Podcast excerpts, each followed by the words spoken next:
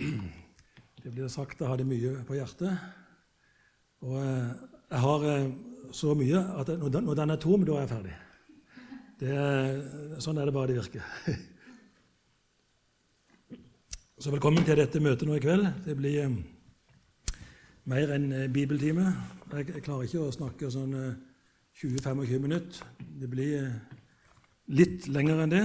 Det må jeg bare forberede dere på. Får, får ikke sagt noe på 20-25 minutter. Da kan du like godt la være. Så vi, vi, skal i dag ta for oss eh, et helt kapittel, egentlig kapittel 6 i Johannes. Men eh, vi ber litt grann først. Takker deg, far, for at eh, vi kan ha dette møtet. Takker deg for at du er her til stede med Din Hellige Ånd, og eh, at du må lykkes til å åpenbare denne teksten for oss. Amen. Eh, kapittel 6 det er kun på 71 vers. Jeg kommer til å ta ca. dem i dag. Begynner litt fort. Og så er det noe av det jeg tar litt mer på en måte der jeg går inn i dybden eh, framover. Kapittel 6, 1-14, det handler om brødunderet. Det kjenner dere veldig, veldig godt. Vi er nå rundt med Genesaretsjøen. På den eh, østre siden med Betzaida. Litt sør for Betzaida, der skjedde dette brødunderet. Det er det som blir omtalt i 1-14. Det hadde han metta 5000. De hadde samla opp igjen restene, tolv korger, som disiplene skulle ha med over på den andre sida av Genesaretsjøen. I kapittel 6, eh, vers 15-21, der er det da på vei over til den andre siden. De er egentlig på vei over til Kapernaum. Det kommer storm, uvær, og eh, de klarer ikke å styre båten over til Kapernaum, så da blir dratt sørover og ender opp i Genesaret. På den vestre delen her har vi Tiberias i sør, vi har Genesaret, Genesaretsletten, oppover til Kapernaum. Så de kommer i mål på en måte ca. ei mil sør for der de skal. Rett før de kommer i, i mål da, i Genesaret, da kommer selveste Jesus gående på vannet mot dem. Og han byr jo Peter her om å stige ut og møte meg, og han går på vannet. Dette går veldig bra så lenge han har fokus på Herren, på Jesus. Etter hvert da så går de på vei oppover fra Genesaret til Kapernaum. De går da oppover her, ca. ei mil å gå. Fordi det var i Kapernaum, i synagogen, at Jesus underviste og lærte disiplene sine. Det var bare én båt med Betzaida denne dagen. Og hele folkemengden på 5000 menn, foruten kvinner og barn, de hadde sett at de tolv disiplene de dro over på den andre siden, og at Jesus han var ikke i båten. For han gikk opp i fjellet for å be. Så når du etter hvert finner ut hvor er, hvor er Jesus, han har gjort et brødunder. Vi vil bli litt mer kjent med han. Så de da undersøkte dette her og tenkte igjennom og sa det at nei, han har nok på en eller annen måte kommet over på den andre siden. Vi kommer ikke over dit. Om det da kom noen båt og henta dem og for dem over, eller om de bare valgte å gå runden rundt her tilbake igjen Dette jo, var jo langt nord med Genesaretsjøen, så det er cirka, kanskje bare 12 km å gå rundt her. Og vi regner med at de tok beina fatt for å gå til eh, synagogen. De var nok sikre på at det var der han hadde tatt veien. Han hadde gjort et under her, og når de da kom, da fant de Jesus i synagogen. Der sto han og underviste om det underet han hadde gjort. For det underet det krevde en forklaring. Det er to ord for under det ene heter teras. Det er når du primært bare ser på underet uten at du gjør noe mer ut av dette. F.eks. når han helbreda noen, så bare helbreda han, og så gikk han videre. Han gjorde ikke noe mer ut av dette. Men et annet ord for under, det heter semeion. Det inneholder to deler. Under og det inneholder tegn. Det betyr at han må forklare hvorfor han gjorde det under. For han gjorde det under underet for å bygge videre på noe han ville forklare disiplene sine. Eh, mange tror at det, eh, av ordet 'semeion' så kommer det norske ordet 'sement'. Sement det bruker for å lage et grunnlag, for å bygge på noe. Og nå har han gjort et under på den andre siden for å bygge videre på det han egentlig vil fortelle. Og det bruker han nå da eh, fra vers 22 til vers 59 er han i synagogen og forklarer dette underet. Og eh, Disiplene begynner nå å reagere på dette. Hva er det med han der? For han begynner nå etter hvert i vers 54 og i vers 55 begynner han å, snakke om det at eh, litt tidligere at han har manna. Manna kom ned fra himmelen. Dere spiste manna og ble mette, og, men dere døde likevel. Så det brødet jeg vil gi dere nå, det gir evig liv. Dette brødet vil du ikke dø av. Så han sier da at eh, dere skal spise mitt kjød og drikke mitt liv. Da vil dere få livet, det evige, sier han i, i 54. Og i 55 går han videre og gjentar det. Mitt brød er i sannhet mitt Ehm, eh, mitt legeme er i sannhet brød, og min, eh, mitt blod det er i sannhet drikke. Det sier han til disse, og de reagerer kraftig. Hæ? Skal vi drikke blodet hans? Skal vi ete hans kjød? Ja, ikke bokstavelig, men det krevde da en forklaring på dette. Og det er det han nå egentlig har prøvd å gjort i eh, i eh, Kapernaum. Og nå vil vi da gå inn og se på hvordan folket reagerer på dette etterpå det han har sagt. Så nå går vi inn i vers nummer 60 og går da utover et lite stykke her.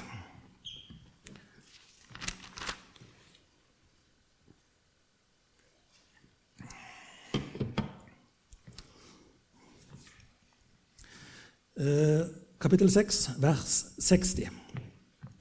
Mange da var aktiv hørende av disiplene hans, sa Hardt er dette ordet. Hvem er i stand til ham å høre? Ordet 'hardt' i det tilfellet her, det står for at det var ubehagelig. Altså følelsene han, eh, til folket det var slik at det var ubehagelig å høre. At du skulle spise hans kjød, spise hans legeme og drikke hans blod. Ordet 'hardt' det inneholder også det at det er førende til strid. Altså Han framkaller en strid her. Istedenfor å få flere og flere disipler, at han vil på en måte bygge menigheten sin, så er det egentlig anti menighetplanlegging han driver på med. Og han vil ha sanne disipler. Det han taler, det ordet må alle forstå og godta. Han vil ikke ha noen som bare dilter etter. Han vil ha sanne disipler. Så han vil at du skal forstå nå hva jeg mener med det du må gjøre. Eh, dis, disiplene her, det var jo da eh, mange ulike disipler. Dette er ikke bare de tolv. Det er ikke bare de tolv nå kjernen, men det er mange disipler som begynte å bli interessert i han, som kom og fulgte han av nysgjerrighet. De ville undersøke hvem er denne her. Så ordet 'disippel' er på en måte i to grupper. De ekte disiplene og de uekte disiplene. Noen ville etter hvert komme for å drepe han, det kommer vi lenger ut i. Noen kom for å latterliggjøre han. Noen kom av nysgjerrighet for å finne ut hvem er du Du har jo gjort et under her nå, og, du, og, vi har hørt at du har gjort mye før, men hvem er du egentlig? Og Noen er da sanne disipler, så her taler han til de som på en måte ikke er de ekte disiplene, bare de som har litt interesse, som valgte nå å komme over fra den andre siden og finne ut og undersøke mer om hvem han er. Jeg tror bare går videre på 661. Hadde vært vitende, men Jesus, med seg selv, at klager eller knurrer over dette disiplene hans, sa han, nemlig Jesus, til dem, nemlig disiplene, dette dere støter, tenker jeg. Mm, dette tar dere nok anstøt av. Mm. Nå har dere fått noe å tenke på, sier han. Dette støter dere. Formuleringa på gresk her 'hadde vært vitende'. Det er slik at han eh, Det var ikke noe han skjønte der og da når han sa det at det skulle spise hans kjød og drikke hans blod. Han hadde vært vitende om dette på forhånd, at det kom til å skje. Det var han sikker på. Men han valgte likevel å gå fram på den måten. der. Det er det det står. Det at det knurrer her, det er ikke en åpenlys knurring. Men eh, det kan være litt med blikk, at jeg sendte blikk til hverandre. Sånn, eh, er, det, er, det, bare meg som reagerer her nå, eller eh, er det, er det, er det andre? Er det andre som reagerer nå, eller, eller er det bare meg? liksom? Sendte nok litt blikk, men det var ikke det som gjorde det. Det var det at Jesus han kjenner hjertet til hver enkelt person. Så han, han kjente hva som bodde inni hjertet, og han visste på, for, på forhånd at de vil komme til å knurre over dette. her. 662.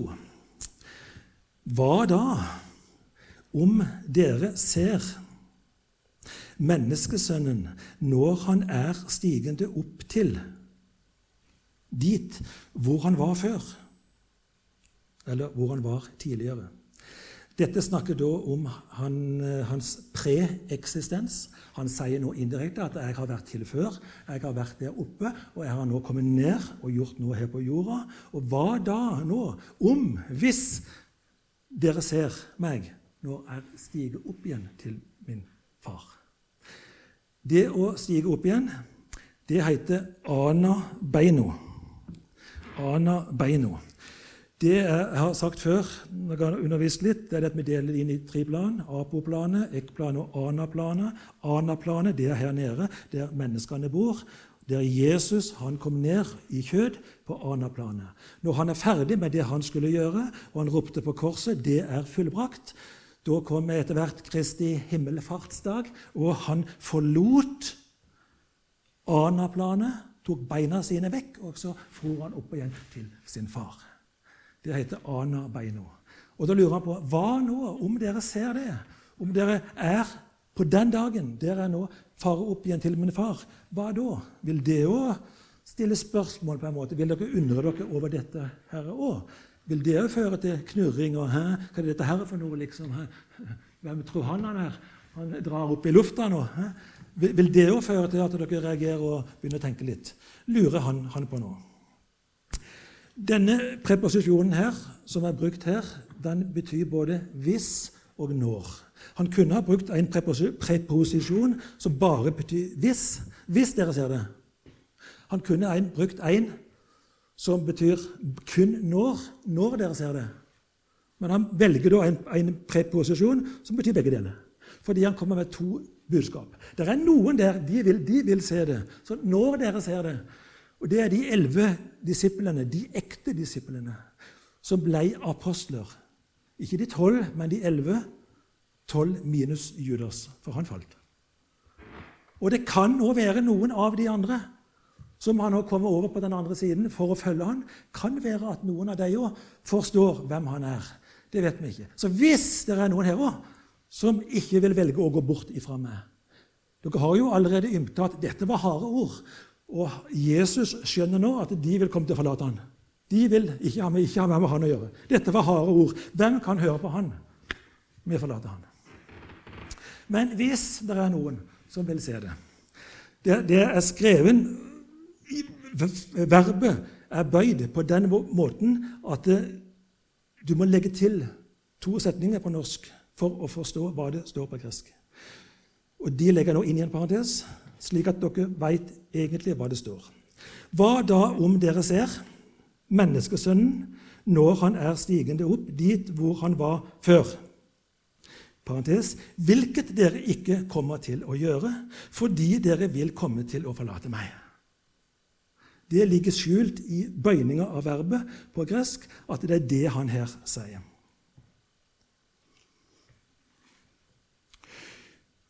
Og Han sier indirekte her nå at dere er ikke av Gud. Dere bare kom her nå over fordi dere ble mette. Dere spiste og ble mette. Dere er ikke interessert i å få åpenbaring om hva det betyr å spise mitt kjøtt og drikke mitt blod. Dere er ikke interessert i det, sier han. For dere er ikke av Gud. Det står en annen sted i Bibelen at den som er av Gud, hører ordene Guds. Dere hører ikke ordene, for dere er ikke av Gud. Det er det han sier til deg nå indirekte. 663.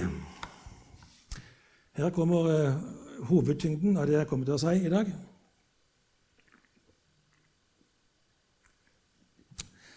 Der bruker jeg litt tid, derfor tok jeg de første litt fort. Eh, ånden, det er den som er givende liv, eller er levende gjørende. Kjødet ikke gir profitt noe. På norsk står det kanskje mer 'kjødet gagner ingenting', vil jeg anta at det står. Ordrett står det 'kjødet ikke gir profitt noe'. Ordene 'hvilke jeg taler' til dere, ånd er og liv er.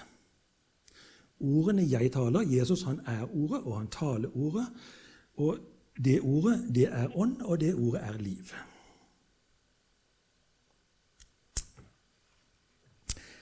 Eh, vi skal da forklare litt om dette med ordet her. Altså Logos, det er ordet.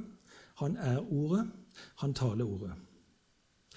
Når han taler ordet, så er Den hellige ånd i det ordet uten at Den hellige ånd kommer, trenger å komme over det ordet og åpenbare ordet, fordi han er ordet i seg sjøl. Hvis vi ser på Johannes 3, 34 Jeg velger å hive det inn her nå. Johannes 3, 34.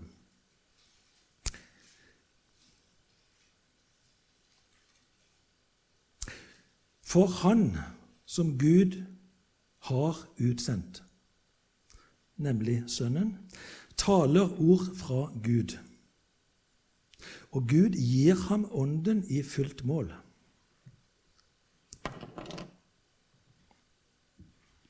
Dere merket den. Han, Gud gir ham Ånden i fullt mål. Jeg hører noe av og til blant kristne solide kristne, sier følgende enten har vi Den hellige ånd, eller vi har ikke Den hellige ånd. Vi kan ikke få noe mer av Den hellige ånd. Sier vi følgende enten har vi Den hellige ånd, eller vi har ikke Den hellige ånd, det er riktig. Det er riktig. Sier vi det, at eh, vi kan ikke få noe mer av Den, av den hellige ånd, da er det feil. Hva står her?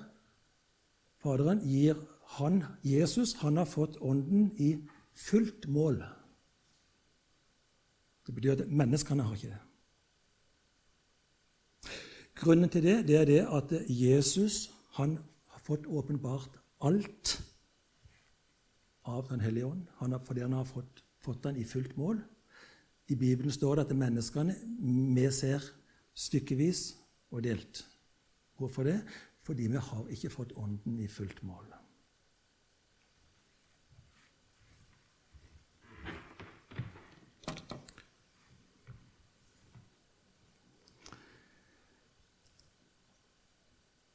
Når vi taler, og når Jesus gikk her på jorda og talte sjøl, så virker Ånden på to ulike måter. Jesus han er Ordet, og han taler Ordet, og Den hellige ånd er i Ordet. Når vi taler, når jeg taler her nå, så taler jeg Ordet, men jeg er ikke Ordet. Det betyr at når jeg taler Ordet, eller en annen person her oppe, taleordet. Da må Den hellige ånd komme over det ordet og tale over det ordet, slik at det ordet blir åpenbart. Så Det er en forskjell på når vanlig person taler, og når Jesus talte sjøl. Fordi at ånden, han hadde ånden i fullt mål. Ånden var i ordet. Men vi, må, vi er avhengig av ånden for å åpenbare ordet, det ordet vi taler. Da er vi over på det at kjødet gagner ingenting. Og Det vil jeg ta opp i dag, dette med kjød. Der er det vanskelige greier. Vi har fire veldig vanskelige ord på gresk. Det er eh, pnauma, det er ånd. Det er psyke, altså syke, sjel. Det er kjødet, sarks. Og det er kropp eller legeme, som heter soma.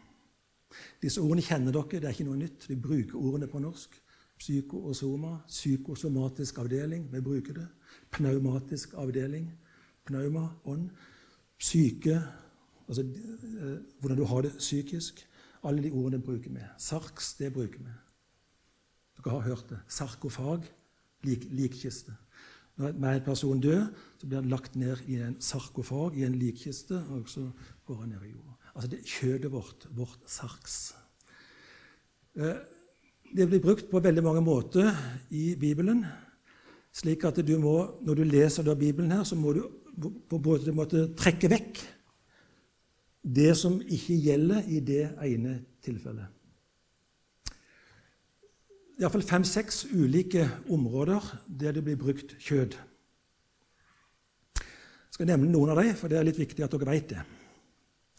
Kjøtt blir brukt om kjøtt og muskulatur i kontrast til, til knokler og bein i kroppen. Kjødet blir brukt synonymt med legeme og kropp. Så Jesus sa at du skal spise mitt kjød eller spise mitt legeme. Da kjører det inn på en måte eh, sarkskjødet synonymt med soma, legeme. Så det er én vinkling av sarks. kan du gjøre det i enkelte tilfeller. Men det er ikke det det betyr. Så det, du kan kjøre det inn der og bruke det sånn. Sarks kjød blir brukt i kontrast med ånd. Kjødet står imot ånden, og ånden står imot kjødet. Denne kampen du kjenner i ditt nye liv, i kristenlivet, kampen mellom ånd og kjød, det er den tredje. Der blir det brukt. Kjødet blir brukt om vår syndige natur. Vårt syndige kjød. Vår syndige natur, vårt syndige kjød, som er et bilde på det ugjenfødte mennesket. Du er ikke født på ny, du er ikke en ny skapning i Kristus. Kjødet blir brukt om eh, avstamning. Jesus sier av kjødet var han av Israel. Av kjødet var han av Davids ett. Kjødet blir brukt om å skille det ytre fra det indre. Det ytre da av mennesket, det er kjød, og det indre i mennesket da, det er hjertet. Samtidig deler det hjertet igjen inn i to. Nå har jeg delt hjertet tidligere inn i fem. Hjerte, sjel, sinn, forstand, fornuft, tanke. Nå deler vi hjertet i to. Det indre hjertet og det ytre hjertet. Det indre hjertet, det er din ånd. Det ytre hjertet, det er det som er i hjertet ditt, unntatt din ånd. Det betyr at kjødet får etter hvert en videre breispektra betydning. Fordi vi snakker om at vi har et steinhjerte. Men det steinhjertet vårt, det vil Gud gjøre om til et kjødehjerte. Med andre ord, det er noe positivt i kjødet òg. Det betyr at kjødet da, med hvitt spekter, det er alt i hele mennesket, unntatt din ånd. Og Det betyr at når du dør, så skal hele ditt sarks, hele ditt kjød, ned i grava, i sarkofagen, unntatt din ånd. Din ånd blir frelst, eller den går fortapt. Det var kort innføring i kjødet. Så må vi eliminere nå hva, hvilken type kjød snakker vi om nå. Kjødet gagner ingenting. Det betyr at ditt kjød, din syndige natur, gagner ingenting. Du kan ikke gjøre noen ting for å bli frelst. Alt står på Herren, hva Gud Faderen gjør gjennom Sønnen, hva Sønnen har gjort, og hva Den hellige ånd klarer å åpenbare. Ditt kjød gagner ingenting. Er det forskjell på vårt kjød og Jesu kjød? Ja Nei Vi skal gå inn på det. Da må vi gå til Romerne 8.3. Romerne 8.3. Der står det om at eh, Jesus han kom i syndig kjøds lignelse. Jeg skal lese det ordrett, slik at vi ikke tuller. Romerne 8,3.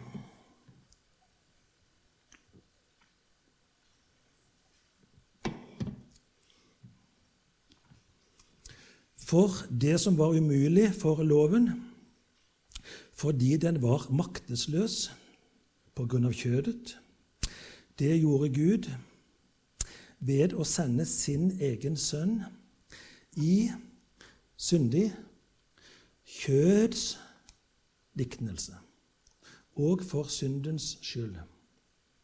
Han fordømte synden i kjødet. Han kom i syndig kjød, han kom i syndig natur. Helt likt med det vi har. Vi har en syndig natur. Jesus kom i syndig natur. Hva, hva er forskjellen, da? Kjødet gagner ingenting. Det har vi akkurat lest. Men han kom i syndig natur. Han kom i syndig kjød. Kommer han i et annet kjød? Det står 'syndig kjød liknelse'. Da må vi skille to ord på norsk som er helt like på norsk, som er forskjellige på gresk. Det er bare å bytte om én bokstav. Lignelse med G og liknelse med K. Lignelser det var noe Jesus fortalte. Han tok til orde og fortalte følgende lignelse. Da fortalte han ikke akkurat det han ville fortelle. Han fortalte noe annet som ligner på det han ville fortelle. Slik at de måtte, inn, måtte inn, og så måtte de løse det. og Derfor det var disipler. Det var disipler, For de gikk i lære, hadde undervisning for å lære å løse ligningene. Det har vi jo i matematikken òg. Vi har ligninger. Vi skal finne én ukjent eller to ukjente eller ligninger av annen grad. og Alle typer ligninger, differensialligninger og alt, alt, mulig rart. Så det, dette kan matematikerne. De kan løse ligninger.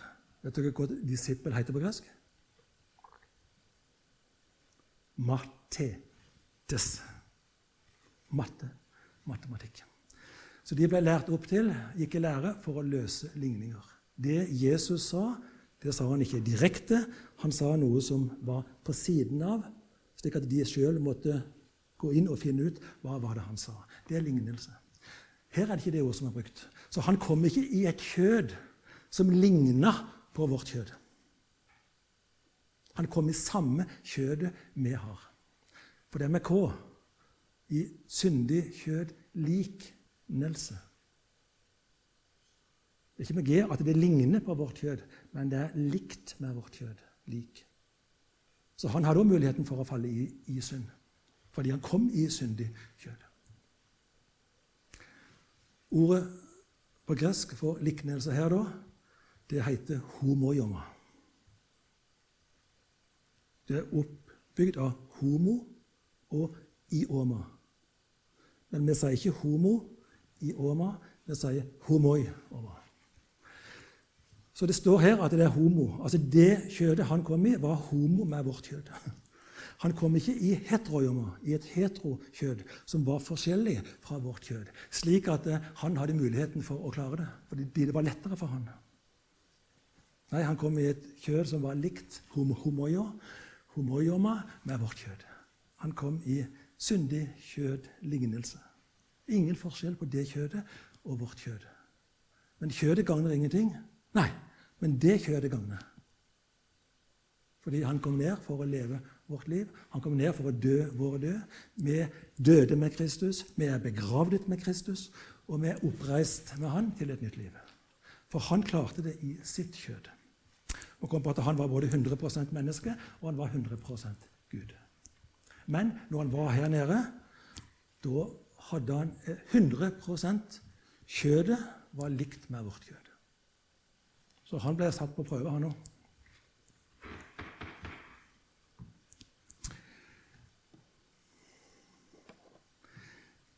Kan du bruke det kjødet til noe, da? Jesu kjød. Hva er det blitt etterpå at han fullførte sitt verk? Og han sa på Golgata at det er fullbrakt, og han får opp igjen. Hva, hva, hva gagner det kjødet? Jo, vi går til Hebreerne 10,20. Hebreerne 10,20, der, der får du svar på hva det kjødet betyr for oss. Jesu kjød. Hva betyr det for oss? Hebreerne 10,20.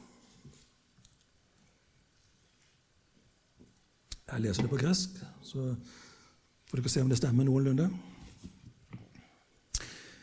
Hebreerne 10,20. Vi har en ny og levende vei,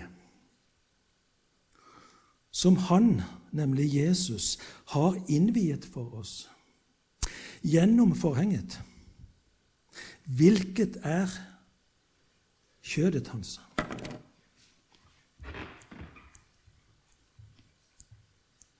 Når han døde på korset, da revna forhenget. For det forhenget det var basert på at de måtte holde loven, og det var ingen vei tilbake igjen til Faderen. De måtte holde loven. Men nå har han innvia en ny vei for oss, der han er forhenget, på grunn av at han seira i sitt kjød. Så kjødet er forhenget. Det betyr at det er ingen annen vei tilbake igjen til Faderen enn gjennom Jesus. Mange andre steder står det at han er døren. Men her står det at han er forhenget. Så han kom i kjød og levde vårt liv og ga oss en ny vei der han er forhenget. Det er kun gjennom han du kommer til Faderen. 664. Men det er av dere noen som ikke tror. Dette har han jo visst på forhånd, dette har han jo allerede sagt, at det er noen her som ikke tror. Han vet at de vil komme til å forlate ham. 664. Men det er av dere noen som ikke tror. Hadde nemlig visst dette fra opphavet av, eller ifra begynnelsen av, hvem det er som ikke er troende, og hvem det er som er kommende til forrådende ham. Det er ikke bare presens partisipp her, men det er futurum partisipp. Som er kommende til forrådende ham. Ikke bare at du er forrådende, men du er kommende til å forråde han. Snakk om Judas. Så fordi Jesus allerede vet om at han vil komme til å forråde han, så er han allerede forrådende han, fordi han er kommende til å være forrådende ham. Dette, for meg er dette her nydelig. Altså. Det, er, det, er, det er gresk på høyt plan. Det er, det er dybder i dette her. Altså, det ser inn, her, her, møter du dybden i Guds ord. I den ene setninga. Det er helt nydelig. Så han vet om alt dette her. Alt vet han på forhånd. Hvem det er, hvem det er som er ekte troende, hvem som er nysgjerrig på han, hvem det er. Alt vet han. Han har full kontroll. For han kjenner hjertene til hvert enkelt menneske. Ytre sett gikk alle disse menneskene for å være disipler. Men han kjente det og skjønte at det var ikke disipler. Det var ikke ekte disipler. Det er en parallell til, uh, til Sardes, som vi har gått igjennom. Til Sardes er det en parallell til denne i den teksten her. Dere har navn av å leve, så ble det sagt, men dere er døde. I navnet lever dere, men dere er døde. Disse hadde navn av å være disipler, men Jesus skjønte det at dere er ikke noen disipler. Bare kom dere, kom dere vekk. Han vil kun ha ekte disipler. 665. Her går det unna, gitt. Det er også et eh, hovedvers som jeg kommer til å bruke litt tid på. Det er flott, flott nydelig vers, dette. Og han sa Derfor har jeg sagt dere at ikke for en eneste det er mulig å komme til meg, hvis ikke det har vært givende ham av far min. Passivt det er ikke noe du søker etter sjøl, det er noe du får passivt av Faderen. Verbet er bøyd passivt. Det har vært givende ham. Og da er spørsmålet hva er det? Svar Den hellige ånd. For vi har talt før om at det er Ånden som gjør levende. Så for å komme, komme til Sønnen, at du får liv, så det her det går tilbake igjen på Den hellige ånd. Det er Den hellige ånd som er gitt, og det er fordi den er gitt, at du kan komme til Sønnen. Fordi Den hellige ånd er sendt for å åpenbare Kristus. Han er sendt for å åpenbare Ordet. Jeg hiver inn ett vers til i det ene verset før jeg begynner å forklare dette.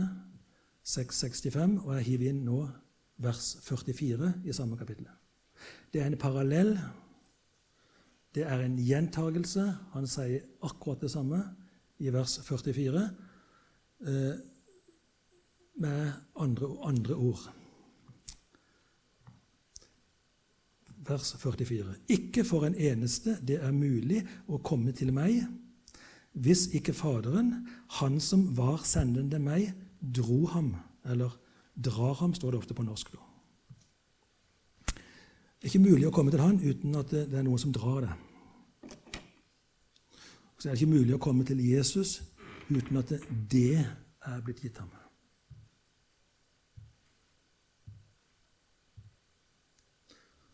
Så stiller jeg spørsmålet Hvorfor driver Jesus da og kaller på folk? Folk kjenner at det er et kall.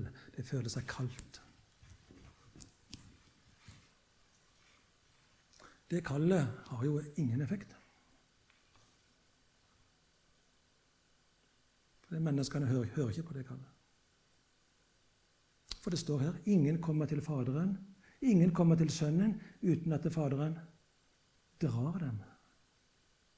Å dra er noe annet enn å få et kall. Så da må vi inn og kikke litt på det og stille spørsmål. Hva innebærer dette? Har kall noe hensikt?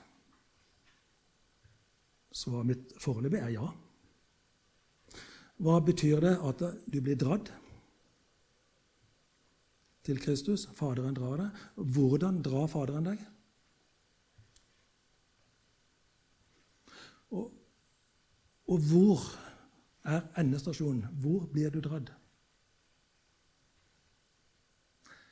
Jeg har stilt mange spørsmål, og jeg skal begynne å svare på det.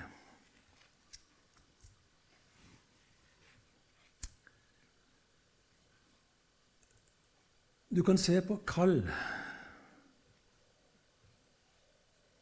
som en form for Altså i virkeligheten her nå som en form rek, av reklame.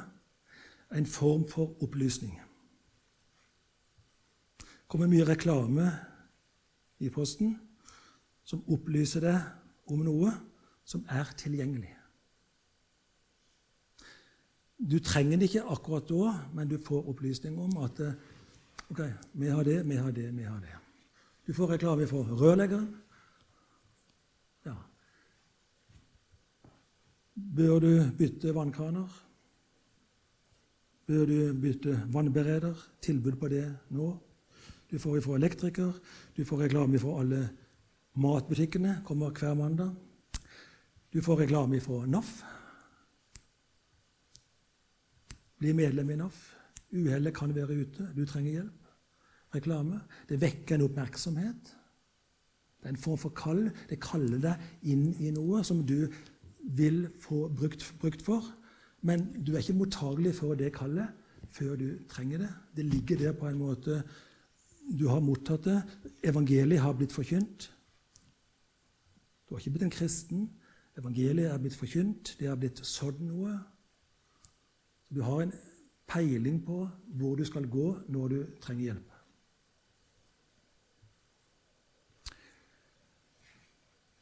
Det at du blir dradd Du blir dradd når du innser at du har behov for hjelp, og ikke kan komme videre av deg sjøl.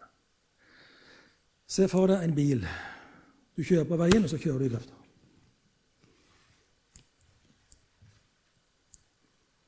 Da vil den reklamen som har vært gitt før, den, den begynner å virke. Akkurat som forkynnelsen av ordet du har hørt, den begynner å virke. Fordi det, det, du møter på et behov. 'Oi, jeg har kjørt i grøfta. Jeg må ha hjelp til å komme opp igjen.'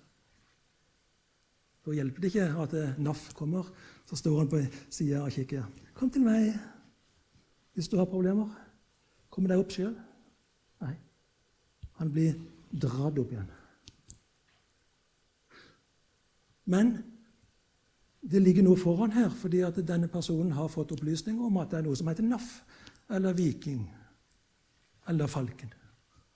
Så enten har han et medlem, medlemskap, eller han ringer uansett, for han trenger hjelp. Han er i nød. Og menneskene trenger ikke Kristus før de innser at de er i nød. Så grunnlaget i forkynnelsen kan ha vært lagt over mange år. Guds ord, Jesus, han kaller på det. Så her begynner det å virke når du innser at du er i grøfta. Mennesket er i grøfta pga. syndefallet. Du kom ut av din status originalis, din ordinære posisjon med Faderen pga. synden, og så ble du jaga ut. Men Gud, Faderen, han vil ha deg tilbake igjen. Gud han er sosial. Han skapte mennesket for å være sosial, unikt fra alle andre skapninger. De blir skapt i Guds bilde med noe inni hjertet, med en ånd. Og vår ånd det er kontakten, connection, med Gud. Det er den Gud bruker for å kalle på deg og vil ha et samfunn med deg. Men når du ikke innser at du har kjørt i grøfta og trenger hjelp og ikke klarer dette her sjøl, da har du ingen behov for han. Men når du kommer ut for noe, et problem, så er det å, hvor er Gud? Er det, Da søker du Gud med en gang for å få hjelp. Så NAF, da, som kommer og tar bilen opp igjen, drar han opp igjen.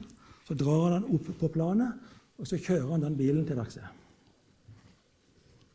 Her er det åndelig sett på samme måten. Gud, Faderen, han Altså, Ingen kommer til Kristus uten at Faderen drar ham. Faderen drar ham. Hvordan det? Altså, NAF drar det med at NAF sender en bil. Faderen drar det til Kristus med at Faderen har sendt Den hellige ånd. Uten at det er gitt deg, Den hellige ånd. Så her svarer Den hellige ånd til NAF-bilen som kommer, og tauer deg opp igjen til verkstedet. Så er det Den hellige ånd her som fungerer som kranbil fordi du er i grøfta pga. syndefallet. Så han, kaller, han, han, han, drar deg opp igjen. Og hvor drar han det? Skal vi høre noe interessant. Kalle. Det heter kaleo. Består av KL. Fordi du kommer ikke av deg sjøl. Du kommer ikke til Kristus før du har kjørt i grøfta. bang, så må du bli dratt opp igjen. Og det er baklengs, det, å bli dratt opp igjen. KL, Kalle, Kaleo, KL, baklengs, det blir LK. Å dra deg opp igjen, dra deg til Kristus, det heter elkyo. Elkyo, LK, baklengs av KL. Kallet funker ikke. Når du innser at du har behov, så drar han deg elkyo. Hvor drar han deg? Det stedet heter Elkos på gresk. Elkos. Hva er det på norsk? Det er sårmerkene. Det er Jesus sine sårmerker. Elkos. Så kranbilen, Den hellige ånd, han drar det Elkyo, han drar det til Elkos, til verkstedet. Han drar det til sårmerkene til Kristus. Hvilket er korset? Hvilket er Golgata? Med å gå til Golgata og bli dratt inn dit når du innser at du har behov for det fordi du har et syndig kjød, trenger frelse og får liv igjen i din ånd og blir redda for himmelen, så drar han deg. Men han drar deg ikke før du ringer sjøl på en måte og sier 'jeg trenger hjelp'. Da er Den hellige ånd der med en gang, og så fører han deg til korset og åpenbarer korset. Og da spiser du egentlig Kom til korset, da. Da spiser du kjøttet, og du drikker hans blod. Du spiser ordet, og du drikker av ånden til åpenbaring.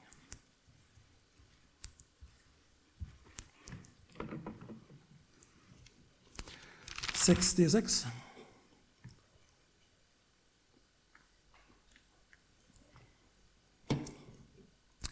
Etter dette, fra nå av, kan nå bety 'av den grunn'. Altså Han har talt om at du kan spise kjøttet og drikke blodet, og de har reagert mer og mer og mer. Så etter alt dette nå så Nå klarer de ikke mer av dette her. Så nå kommer de fram til da, hva, hva, som nå skjer. Mm. Etter dette Mange gikk bort av disiplene hans til det som var før, og ikke mer sammen med ham de gikk.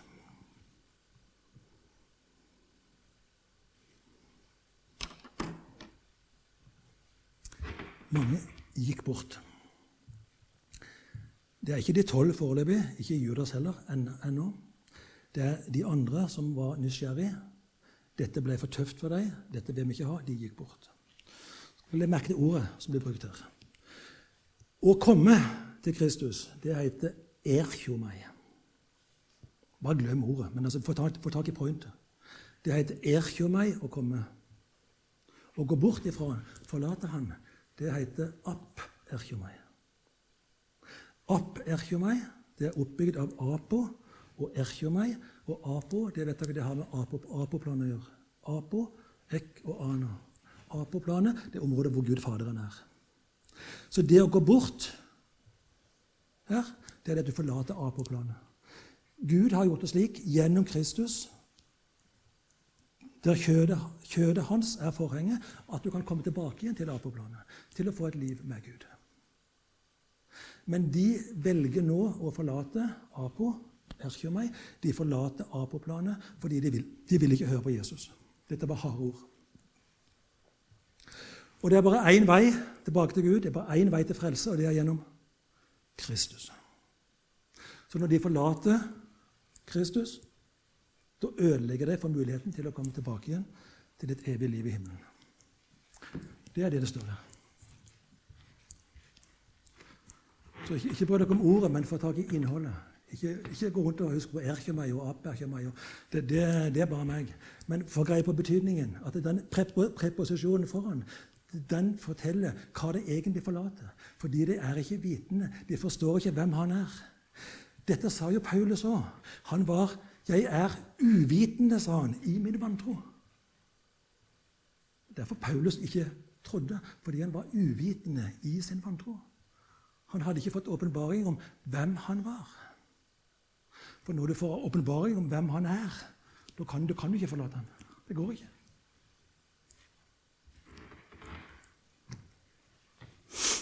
«67. Sa da nemlig Jesus til de tolv Nå taler han til de tolv. Nå har de fleste av de andre de har forlatt ham. Mon tro om også dere vil gå bort?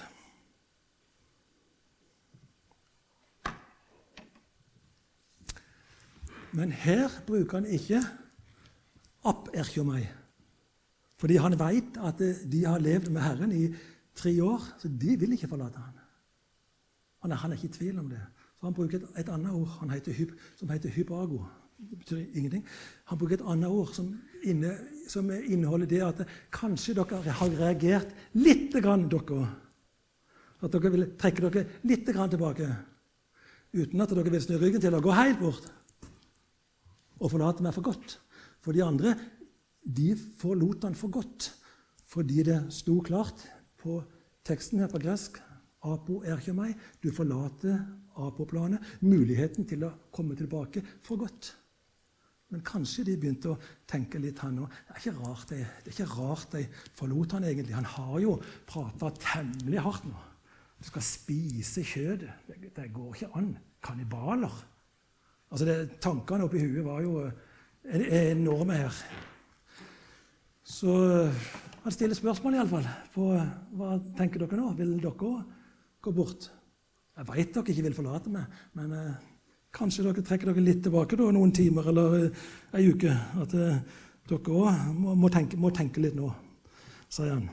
668 svarte da ham, nemlig Simon Peter. Herre, til hvem skal vi gå bort? Til hvem skal vi gå bort til?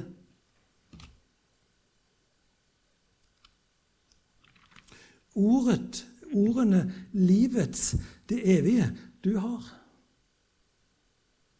Du er ordet, du taler ordene, og det er de ordene du taler. Du er livet, og det er det livet vi har fått tak i, det evige livet. Du har det. Hvem skal vi gå til?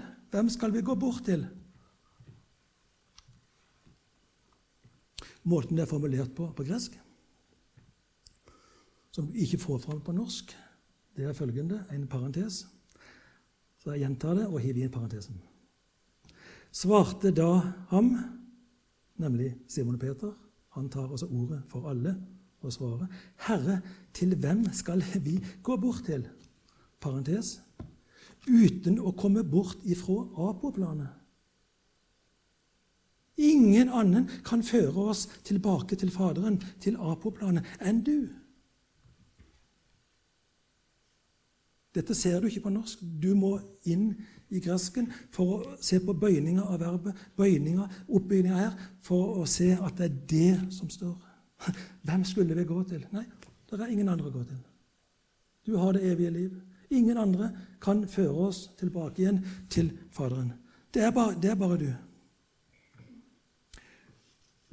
Og han svarer på en slik måte at i løpet av den perioden han har gått med Jesus og de andre, så har han på en måte avsatt en vurdering, en dom, en erkjennelse på hvem han er. Han har oppdaga, forstått, at det, det, er bare han. Så verbet å svare her, det heter apokrino. Apokrina meg. Så, og det blir brukt i passiv. Så det er ikke et svar han kommer på av seg sjøl. Det svaret han kommer med, det blir gitt han av Faderen gjennom Den hellige ånd. Og han svarer det Ånden gir ham å svare. Og Den formuleringen har vi hatt før, også med Peter. Det er Peter som får disse her flere ganger. Også i apostelens gjerninger, der Peter tok det ordet, og han talte. Og han talte de ordene Herren, eh, han talte de ordene Ånden gav ham å tale slik at det til og med prestene kom til tro.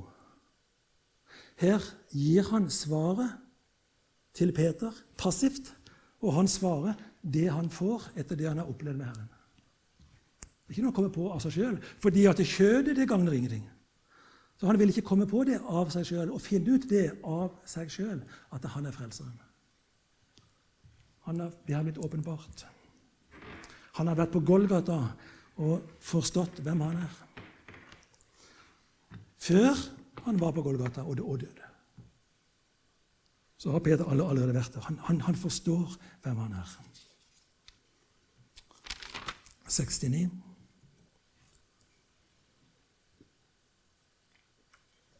Vi har begynt å minke her. Nå kan vi snart gå inn for landing.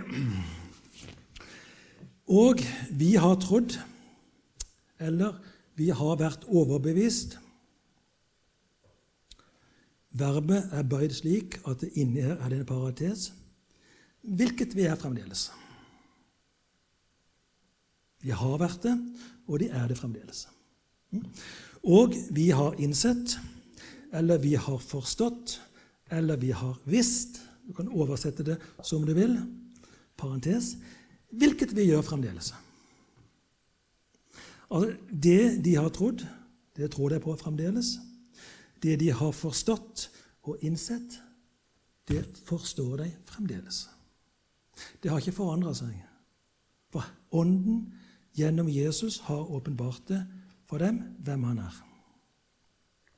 Legg merke til rekkefølga her. Tro. Og vi har trodd. Og vi har forstått. Troa kommer før forstå. Mange i dag de vil først forstå det før de vil tro. Men det er omvendt. Det er mange eksempler i Bibelen der det står klart og tydelig at du må først ta imot troen som en gave før du kan forstå ordet. Mange. Ser dere på Hebreerne 11,3, så begynner den 11,3 med Treng, treng ikke med, med nå. 11,3, der står det 'Ved tro forstår vi'. Prikk, prikk, prikk, prikk. Ved tro forstår vi. Ikke 'vi forstår først, og deretter kommer troen'. Det er omvendt. 6, 70 og 71 tar vi i ett, og så går vi mot holdt på å si pause, men det er, det er bare ei økt i dag, det er ikke to. Jeg er vant med å ha to her, skjønner du. Så mm, da er det bare én. Svarte dem Jesus, om ikke jeg dere, nemlig dere tolv utvalgte, og av dere, nemlig én, en djevel er. 71. Han talte nemlig om Judas Iskariot, sønnen av Simon. Han skulle nemlig ham, nemlig Jesus, forråde eller overgi en værende blant de tolv. en værende blant de tolv, det kommer altså helt bakerst. Litt bedre norsk vil det være. Han talte nemlig om Judas Iskariot, sønn av Simon, han som var en av de tolv. Nemlig han skulle komme til å forråde Jesus. Det hadde vært bedre, men nå tar jeg det sånn på gresk. Disiplene visste ikke hvem det var som kom til å forråde ham. Det kommer tydelig fram i evangeliet. Er det meg? Er det meg? En av dere vil komme til å forråde meg, sa Jesus. Det er vel ikke meg, vel? Det er vel ikke meg, vel? De ante ikke at det var Judas. Jesus ante det. Jesus visste det. Han hadde tatt ut han for at han skulle forråde han. Det er noe helt spesielt med han, for han kommet, kommer ifra et annet område enn de andre elleve. Kommer ikke ifra de samme området. Så Jesus hadde valgt han fordi han visste at han kom til å gjøre det. Eh, Galilea Det består av tre konsonanter. GLL hebraisk galal. Her er det da intensiv form, som betyr lite. Det heter galil, eh, som da er rota til Gal Galilea. Galil Det ordet betyr krets. kjerne. De som kretser om Kristus, der Kristus er kjernen, de som kretsa om han. Krets. Og de valgte han ifra Galilea, for Galil betyr krets. Judas han var ikke fra Galilea. Så han var valgt inn i kretsen uten at han tilhørte kretsen. Fordi Jesus visste om at han kom til å forråde ham. Han heter Judas Iskariot. Kom fra et sted som heter Kariet, som ikke har med Galilea å gjøre. Litt interessant, så det lå i lufta, på en måte, det lå i papirene her, at han kom til å forråde han, for han var ikke blant kretsen han hadde utvalgt. Bare de elleve var der, og ikke han. Noen mener òg at Iskariot På gresk heter det shikariotes. Shikariotes. Mange tror det at det, det norske ordet skikanere det kommer av det greske ordet skikariotes. Jeg vet ikke om det gjør det, men eh, det er ikke utenkelig. For det var han han skikarinerte, Det var han som forrådte Jesus. Og da er vi ferdige med hele Johannes kapittel 6. Og da er det bare én ting jeg har å si. Det er bare ett ord. Amen.